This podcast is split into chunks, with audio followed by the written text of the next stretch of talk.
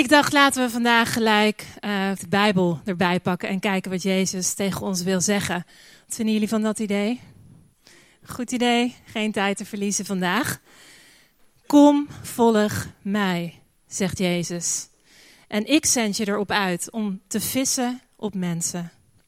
Matthäus 4, vers 19. Kom, volg mij. Drie simpele woordjes van Jezus ik weet niet of jij ze Jezus wel eens hebt horen zeggen. Heeft hij tegen jou gezegd: Kom, volg mij?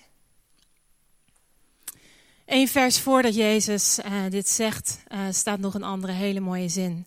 Die mij heel dierbaar is. En er staat, ook, weer, ook deze zin zegt Jezus weer natuurlijk, maar er staat: Bekeer je, want het koninkrijk van de hemel is nabij. En met die zin uh, start Jezus zijn ministry. Bekeer je, want het koninkrijk is nabij. Het koninkrijk is hier. Jezus die, uh, die heeft het uh, heel vaak over het koninkrijk. En um, op dat moment uh, in Matthäus is dat een hele nieuwe taal. Het is een soort van nieuw woordgebruik, het koninkrijk. En dat vraagt om uitleg.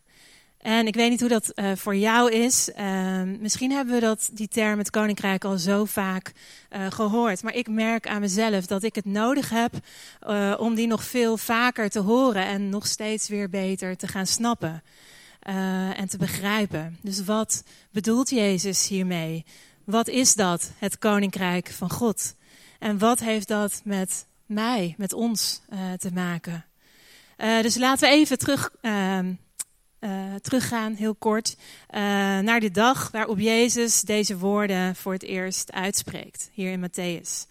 Uh, die dag is Jezus net verhuisd naar een nieuwe stad. En hij maakt die dag een wandeling.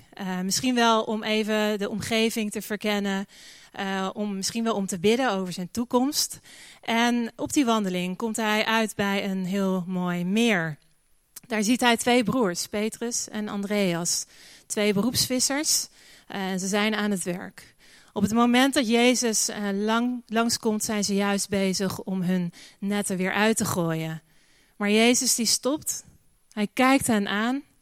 En dat is het moment waarop hij zegt: Kom, volg mij. En ik zend je erop uit om te vissen op mensen. Volgend vers. Ze liepen meteen, ze lieten meteen hun netten achter en volgden hem. Let op de woordjes uh, meteen en op het woordje achterlaten. Hele interessante woorden. En het wordt nog interessanter. De tekst gaat verder. Uh, Jezus die maakt zijn wandeling af langs het meer. En even verderop ziet hij nog twee broers. Wat is dat toch? Weer twee broers, Jacobus en Johannes deze keer. En ze zijn met hun vader, staat in de tekst. En zij zijn ook in hun boot bezig uh, met het herstellen van hun netten. Dus ze gooien ze niet uit, maar ze zijn ze aan het herstellen. En Jezus uh, ziet hen, stopt. En wat zegt hij? Kom, volg mij. En meteen laten ze de boot en hun vader achter en volgen hem. Wauw. Je leest er zo overheen, maar wauw. De aankondiging van het koninkrijk van God uh, gaat blijkbaar samen met een uitnodiging van Jezus om Hem te volgen. En het gaat over een radicale reactie van ons om alles achter te laten wat we hebben. Er lijkt urgentie in te zitten en er lijkt ook risico uh, mee gepaard te gaan. Nou, deze week uh, was ik een beetje aan het studeren en las ik een uitspraak van uh, onze John Wimber de grondlegger van de Vineyard, uh, over discipelschap. En weet je wat hij daarover zei? Hij zegt: It's not only what you believe, it's what you do. Ik denk een hele bekende uitspraak, deze of iets wat erop lijkt. Um, ik weet niet of jullie Andrew en Rosie McNeil kennen uit de Birmingham Vineyard. Bij hen heb ik dit voorjaar die assessment voor church planters gedaan. En um, er gaat geen uur voorbij, geen dag voorbij dat ze niet zeggen. Ik hoor hen heel vaak zeggen: no risks, no stories. Dat zeggen ze continu. En ik denk dat Jezus ons vandaag uh, vraagt: jongens, wat is het koninkrijk van God jou? Wat is het koninkrijk van God ons waard? En om die vraag uh, te beantwoorden wil ik graag met jullie bladeren of swipen naar uh, negen hoofdstukken verderop in Matthäus, hetzelfde boek, naar Matthäus uh, hoofdstuk 13. En dat is zo'n fantastisch hoofdstuk. Als je deze week tijd hebt om het helemaal te lezen, dan moet je het echt doen. dit hoofdstuk vertelt Jezus eigenlijk allemaal stories, of zoals hij het noemt, gelijkenissen. Um, en het aparte is dat al die stories die gaan over het koninkrijk van God. Uh, het zijn stuk voor stuk zeg maar, illustraties die Jezus gebruikt om uh, uit te leggen wat hij met het koninkrijk bedoelt. En uh, vandaag ga ik ze niet allemaal lezen.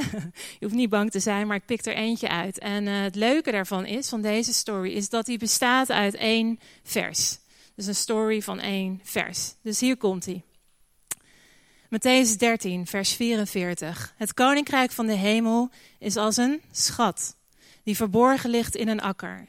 Iemand vindt hem en verbergt hem opnieuw. En in zijn vreugde besluit hij alles te verkopen wat hij heeft.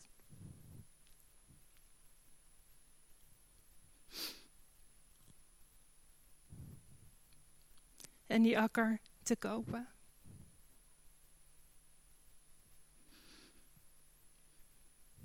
Sorry. Gaat goed hoor. Kom binnen. Zullen we samen bidden? Zullen we even gaan staan voordat we verder gaan?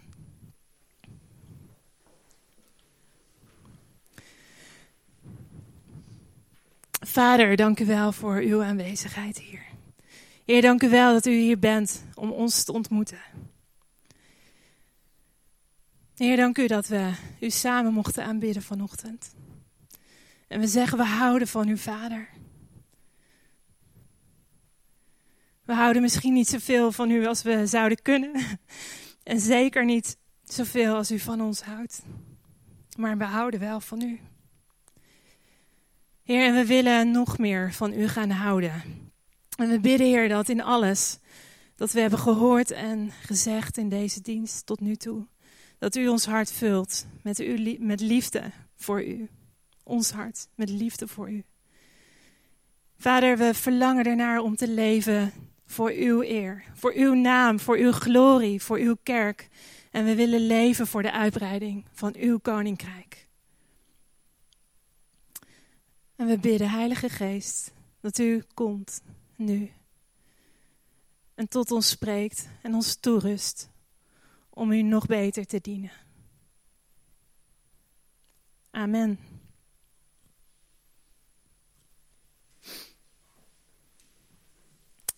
Ik ga het nog een keer proberen. Het koninkrijk van de hemel is als een schat die verborgen ligt in een akker. Iemand vindt hem en verbergt hem opnieuw. En in zijn vreugde besluit hij alles te verkopen wat hij heeft en die akker, dat stuk land, te kopen. Deze tekst gaat volgens mij over drie dingen vandaag: over de schat, over de vreugde en over de prijs uh, van het koninkrijk. Dus ik heb die drie simpele punten vandaag voor mijn preek uitgekozen. En ik begin gewoon bij punt 1, misschien wel het allerhandigst. De eerste is: het koninkrijk van de hemel is als een schat uh, die verborgen ligt in een akker. God heeft uh, ieder mens uh, gemaakt met een verlangen in zijn hart om die schat te vinden, om die schat te vinden. Jezus is die schat. En ik denk dat God wil dat we die uh, schat uh, terugvinden. Hij wil ons vandaag eraan herinneren, aan die schat. Hé hey jongens, die schat, denk eraan. Of je hem nou misschien al lang gevonden hebt, ik weet niet hoe je hier zit. Misschien heb je hem al lang gevonden. Misschien heb je hem gevonden en ondertussen weer verstopt. Uh, misschien ben je hem wel helemaal kwijtgeraakt. Of misschien heb je hem nog wel nooit ontdekt. Um, daar gaat het vandaag over. Um, en deze story gaat niet over mij, hij gaat over ons allemaal.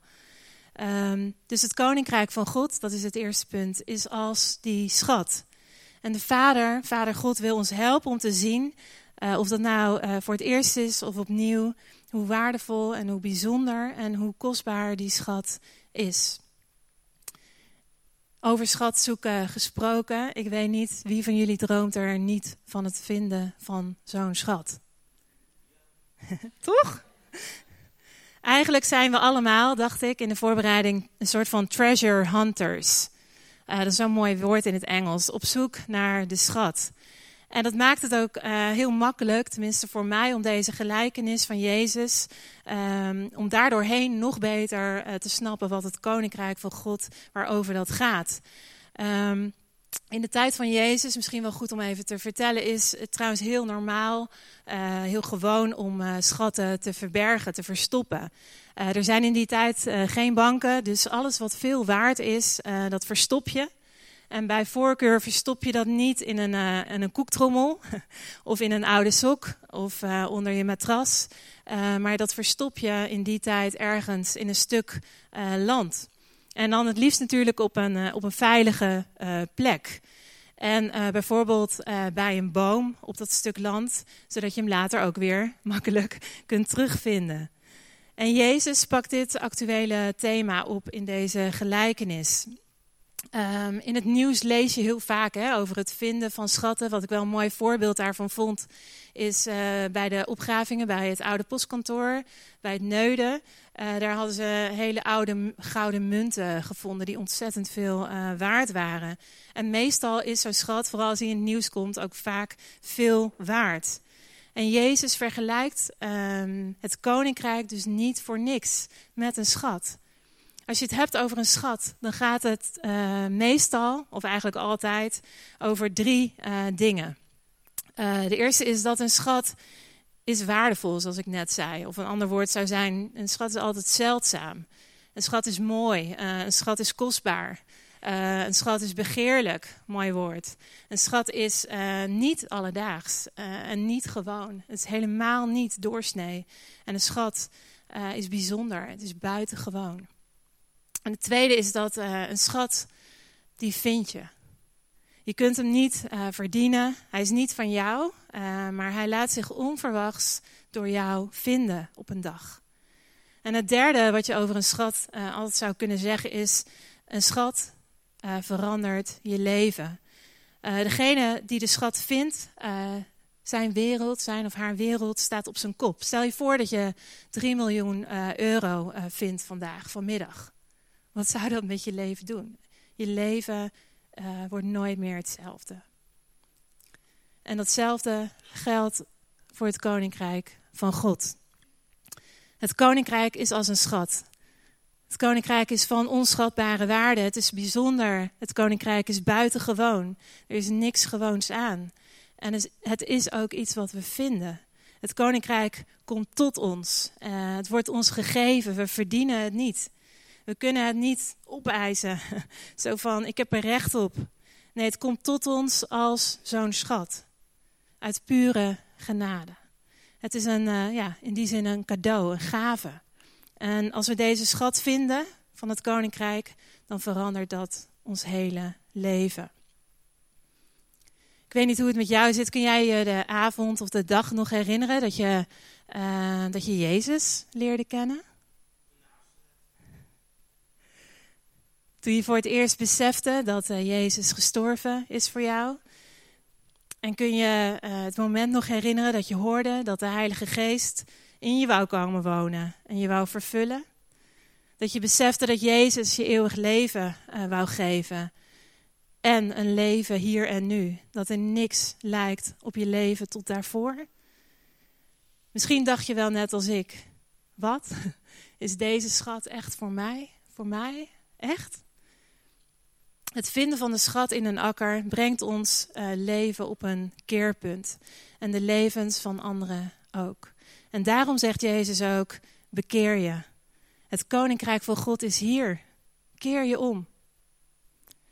Ik hou van quotes, dus even een paar quotes over schatten, als je het goed vindt. Uh, je kunt ze ook meelezen hier achter mij, als het goed is. Ontdekkingsreiziger uh, Columbus die zei: Gold is treasure filosoof um, Nietzsche die zei: Knowledge, kennis, is treasure. En onze broeder Franciscus van Assisi die zei: Poverty, armoede, is treasure. En Le Corbusier, een beroemde architect, die zei: The home is a treasure. En iemand van wie ik de naam niet kan onthouden, maar die zei wel: A faithful friend is a treasure.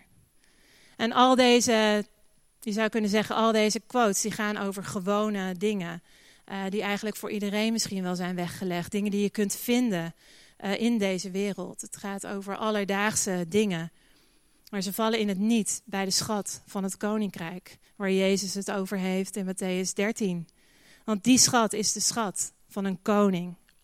En in die schat geeft de koning zichzelf aan ons. En geeft hij zijn koninkrijk aan ons. Daar gaat het over. En het fantastische nieuws is dat uh, jij en ik uh, niet alleen treasure hunters, hunters zijn, zoals ik net zei, die een schat vinden en hem daarna weer uh, goed verstoppen, maar dat we ook treasure givers zijn, die de schat vinden en delen met anderen. Het koninkrijk van God is als een schat. En waar een schat is, daar is vaak ook een piraat. Dat weten we allemaal, toch?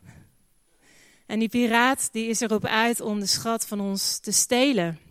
De schat voor ons te verbergen en de schat heel ver weg, zo ver mogelijk van ons weg uh, te houden. En die piraat, dat is de vijand. En die probeert ons te vertellen, jongens, er is geen schat. Of hij brengt ja, angst in ons systeem, zo van, die schat, die wil je helemaal niet vinden. Want dan moet je straks over Jezus gaan vertellen. En dat wil je niet. En Jezus die laat ons juist zien dat uh, Gods plan voor ons leven en voor onze kerk alles te maken heeft met die schat. Hij zegt het koninkrijk van God is die schat. Dus wat wij moeten doen is, zo mooi in het Engels, treasure the treasure. En dat betekent zoveel als dat we die schat die God ons geeft op waarde, op echte waarde moeten schatten. Dat betekent dat ons leven gaat over die schat. En, draai, en draait om die schat. Dat die schat onze motivatie is. En dat die schat ons verhaal is. Dat we die schat niet in een hoekje wegstoppen. Uh, maar dat we die schat tot het middelpunt van ons leven maken. God heeft ons uh, de schat gegeven en uh, hij vraagt ons ook vandaag: wil jij de schat hervinden? Wil je hem opnieuw op waarde schatten? Wil je hem de plek in je leven geven die hij verdient? Door naar het tweede punt, gaat over vreugde. Iemand vindt de schat en verbergt hem opnieuw. En in zijn vreugde besluit hij alles te verkopen wat hij heeft. En de akker te kopen. In zijn vreugde. Als we de schat vinden, als we Jezus uh, vinden, als we het goede nieuws van Jezus horen, als de Heilige Geest komt, als we beseffen dat we hebben, uh, wat we hebben gevonden, dan is vreugde blijkbaar het directe reactie, het respons. En als het goed uh, is, houdt die vreugde aan. Is dat niet iets van dat moment, maar houdt die vreugde aan. Dat, die vreugde is, als het goed is, iets blijvends. Dus je zou kunnen zeggen, kijk maar om je heen, wij zijn blije mensen, als het goed is. Uh, vreugde is het um, originele, het authentieke teken van het koninkrijk van God. Je zou kunnen zeggen, vreugde uh, is de belangrijkste emotie van het koninkrijk. Waar liefde de belangrijkste affectie is, vreugde is de belangrijkste emotie van het koninkrijk. Vreugde. Hoeveel vreugde is er op dit moment in ons leven? Ik denk dat je aan de hoeveelheid vreugde uh, kunt zien of kunt af, afmeten hoeveel er van het koninkrijk van God is. Vreugde zou ons leven moeten kenmerken en uh, niet zo van. Uh, ja, het zou het ons, ons leven echt moeten kenmerken. Je zou het moeten kunnen uh, zien. En uh, zo niet, dan hebben we het koninkrijk misschien nog niet echt te pakken. En snappen we nog niet precies hoe het werkt. Kunnen we daar nog in leren. Um, en we kunnen het natuurlijk um, over het koninkrijk hebben. Zoals we nu ook vandaag doen. Uh, zo vaak als we willen. We kunnen er heel vaak over spreken. En we kunnen het verder bestuderen in de Bijbel. Uh, maar staan we het koninkrijk van God ook toe om ons leven op zijn kop te zetten, zoals in dit verhaal? Als het goed is, uh, brengt het vinden van de schat iets teweeg, een verandering. En uh, gaat dat samen met een diepe, diepe, diepe vreugde. In de tekst staat: In die vreugde besluit hij alles te verkopen.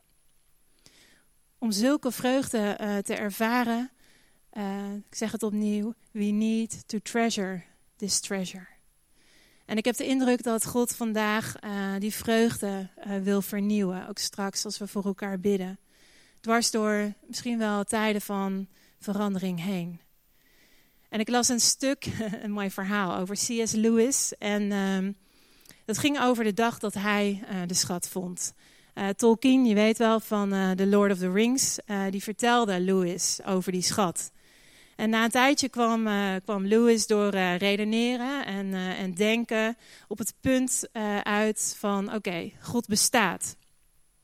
En op dat moment stapte hij in een, in een bus naar Oxford. En onderweg vindt de transactie plaats met God. En hij stapt uit de bus als een nieuwe man.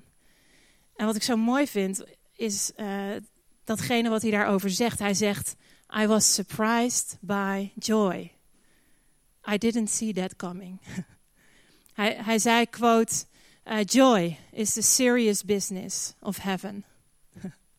Misschien kan je die even herhalen. Joy is the serious business of heaven. De vreugde die we vinden in Jezus is deel van het koninkrijk. Vreugde is part of the deal. Dus laten ons uh, opnieuw uh, vandaag laten raken door die vreugde die de Heilige Geest ons, jou, wil geven. Zodat anderen het zien. Derde punt, laatste punt. Het koninkrijk heeft een prijs. Opnieuw Matthäus 13, vers 44. Iemand vindt de schat en verbergt hem opnieuw. En in zijn vreugde besluit hij alles te verkopen wat hij heeft. En die akker te kopen. Het woordje alles. Hij verkoopt alles. In het Grieks staat daar voor alles panta hosa. Dus niet pantyhose, Panta Hosa. En weet je wat dat betekent? Dat betekent niet zomaar alles, dat betekent alles, alles. Echt alles. Echt alles. Alles dat hij had. Jezus heeft het hier over een belangrijke transactie, net als bij C.S. Lewis in de bus gebeurde. De ontdekking van de, uh, van de schat leidt tot een transactie. Je moet er alles voor verkopen, alles voor geven. En de vinder van de schat uh, staat voor een belangrijke keuze in dit verhaal. Hij heeft eigenlijk twee keuzes volgens mij. De eerste is: gaat hij verder met leven alsof hij de schat uh, nooit gevonden heeft? Dat is de eerste keuze. Of de tweede keuze: verkoopt hij alles om de schat te kopen? Dus waar kiest hij voor? Waar kiezen we voor? Verliezen we, verliest hij de schat of verliest hij zijn leven? Hij kan het niet allebei behouden. In dit verhaal is het een of-of situatie. En veel mensen, denk ik, zijn bereid om alles wat ze hebben op te geven als ze weten dat er wat beters uh, voor terugkomt. Dat ze er iets beters voor terugkrijgen. Uh, ik zag een hele leuke website online met de titel All My Life for Sale. En er stonden iets van, nou, ik heb ze niet geteld, maar iets van 600 items op die site. Uh, en dat waren allemaal bezittingen van één uh, man, één jongen. En er zat van alles tussen, moet je voorstellen, een winterjas, allerlei persoonlijke foto's, een kunstgebit, ik weet ook niet waarom. Um, deze jongen wou gewoon een nieuw leven en daarom had hij die website opgesteld. En dacht, als ik nou eens alles verkoop, alles wat ik heb verkoop en een nieuwe start maak, uh, hij was gewoon zijn oude leven was hij zat. Dus verkocht hij alles wat hij had via eBay. Zo gaat dat in deze tijd. En uh, om een nieuw leven te kunnen starten. En er zijn mensen uh, die dat ervoor over hebben. Waar zou jij alles voor over hebben? waar zou jij alles voor in willen ruilen? Of verkopen, zoals Jezus zegt in deze tekst. Jezus zegt: verkoop alles wat je hebt. Het koninkrijk van God is helemaal gratis, maar het kost je alleen alles. De schat is niet iets dat je kunt toevoegen aan je leven. Nee, het kost je al het andere wat je hebt. Je kunt het koninkrijk uh, van God niet ontvangen en verder gaan met je leven zoals je dat deed. Het koninkrijk van God heeft een prijs. In Matthäus 19, zes hoofdstukken weer verder, zegt Jezus: Verkoop alles wat je hebt Geef de opbrengst aan de armen. Dan zul je een schat in de hemel bezitten. Kom daarna terug en volg mij.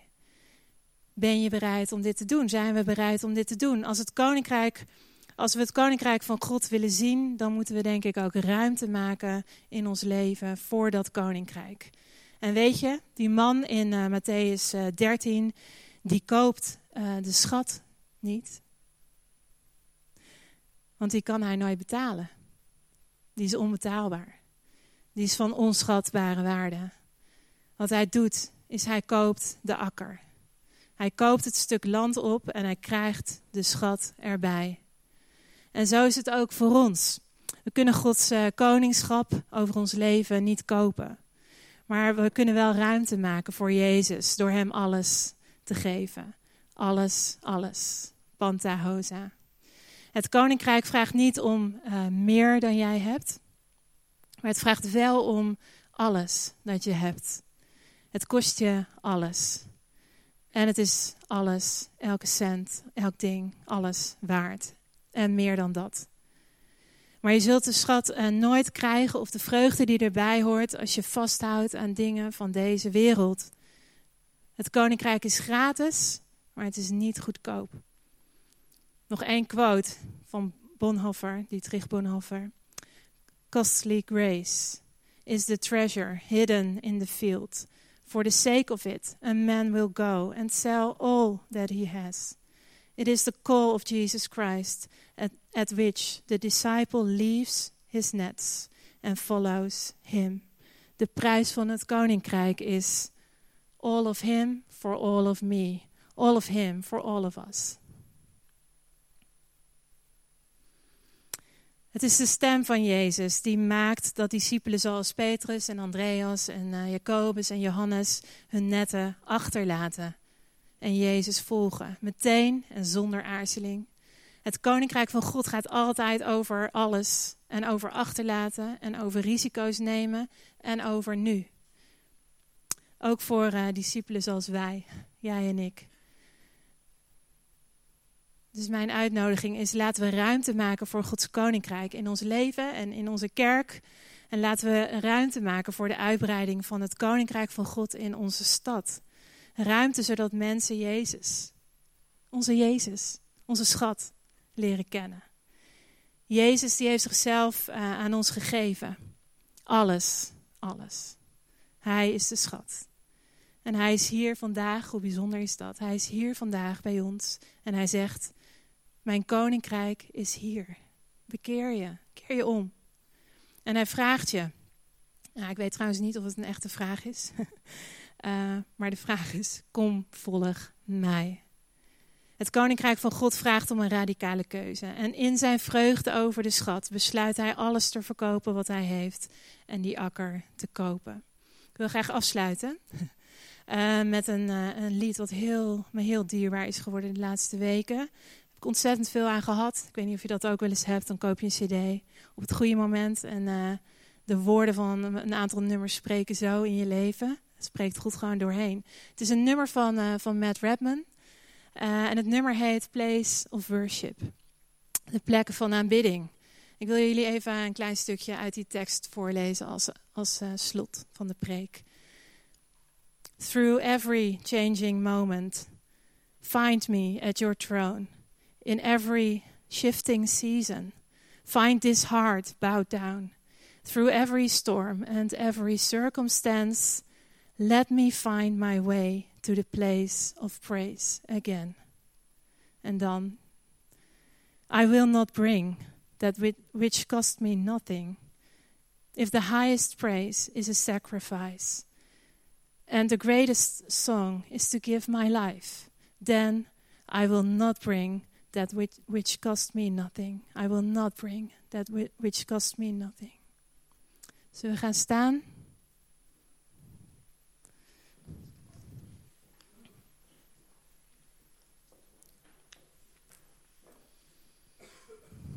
Zou je ook terug willen komen, Erik Jan vast?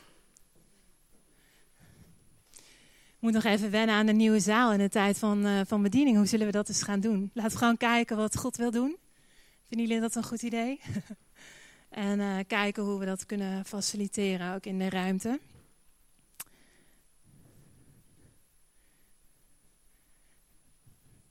We gaan zo opnieuw uh, aanbidden. Maar zullen we de Heilige Geest uitnodigen om, om dit woord, deze tekst uit te werken in ons leven vandaag? Goed.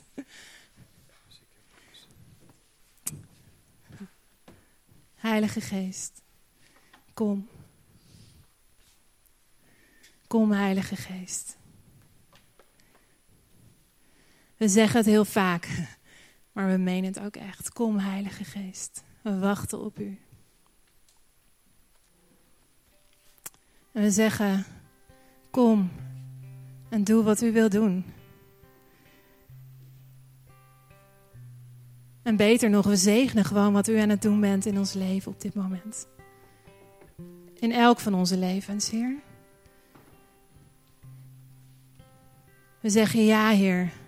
We willen ruimte maken voor U, voor meer van U in ons leven. Ruimte voor het Koninkrijk in ons leven, in onze harten, in onze kerk en in onze stad. Jezus is hier en hij zegt: Kom, volg mij.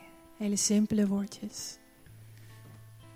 Wil je gewoon vragen om je hart te openen en te reageren op, uh, op Jezus en wat hij zegt. Ik denk dat Jezus je wil helpen om dappere keuzes uh, te maken. En misschien kun je op dit moment God gewoon de ruimte geven, voor het eerst of opnieuw. Om Hem alles te geven. Om de schat te ontvangen.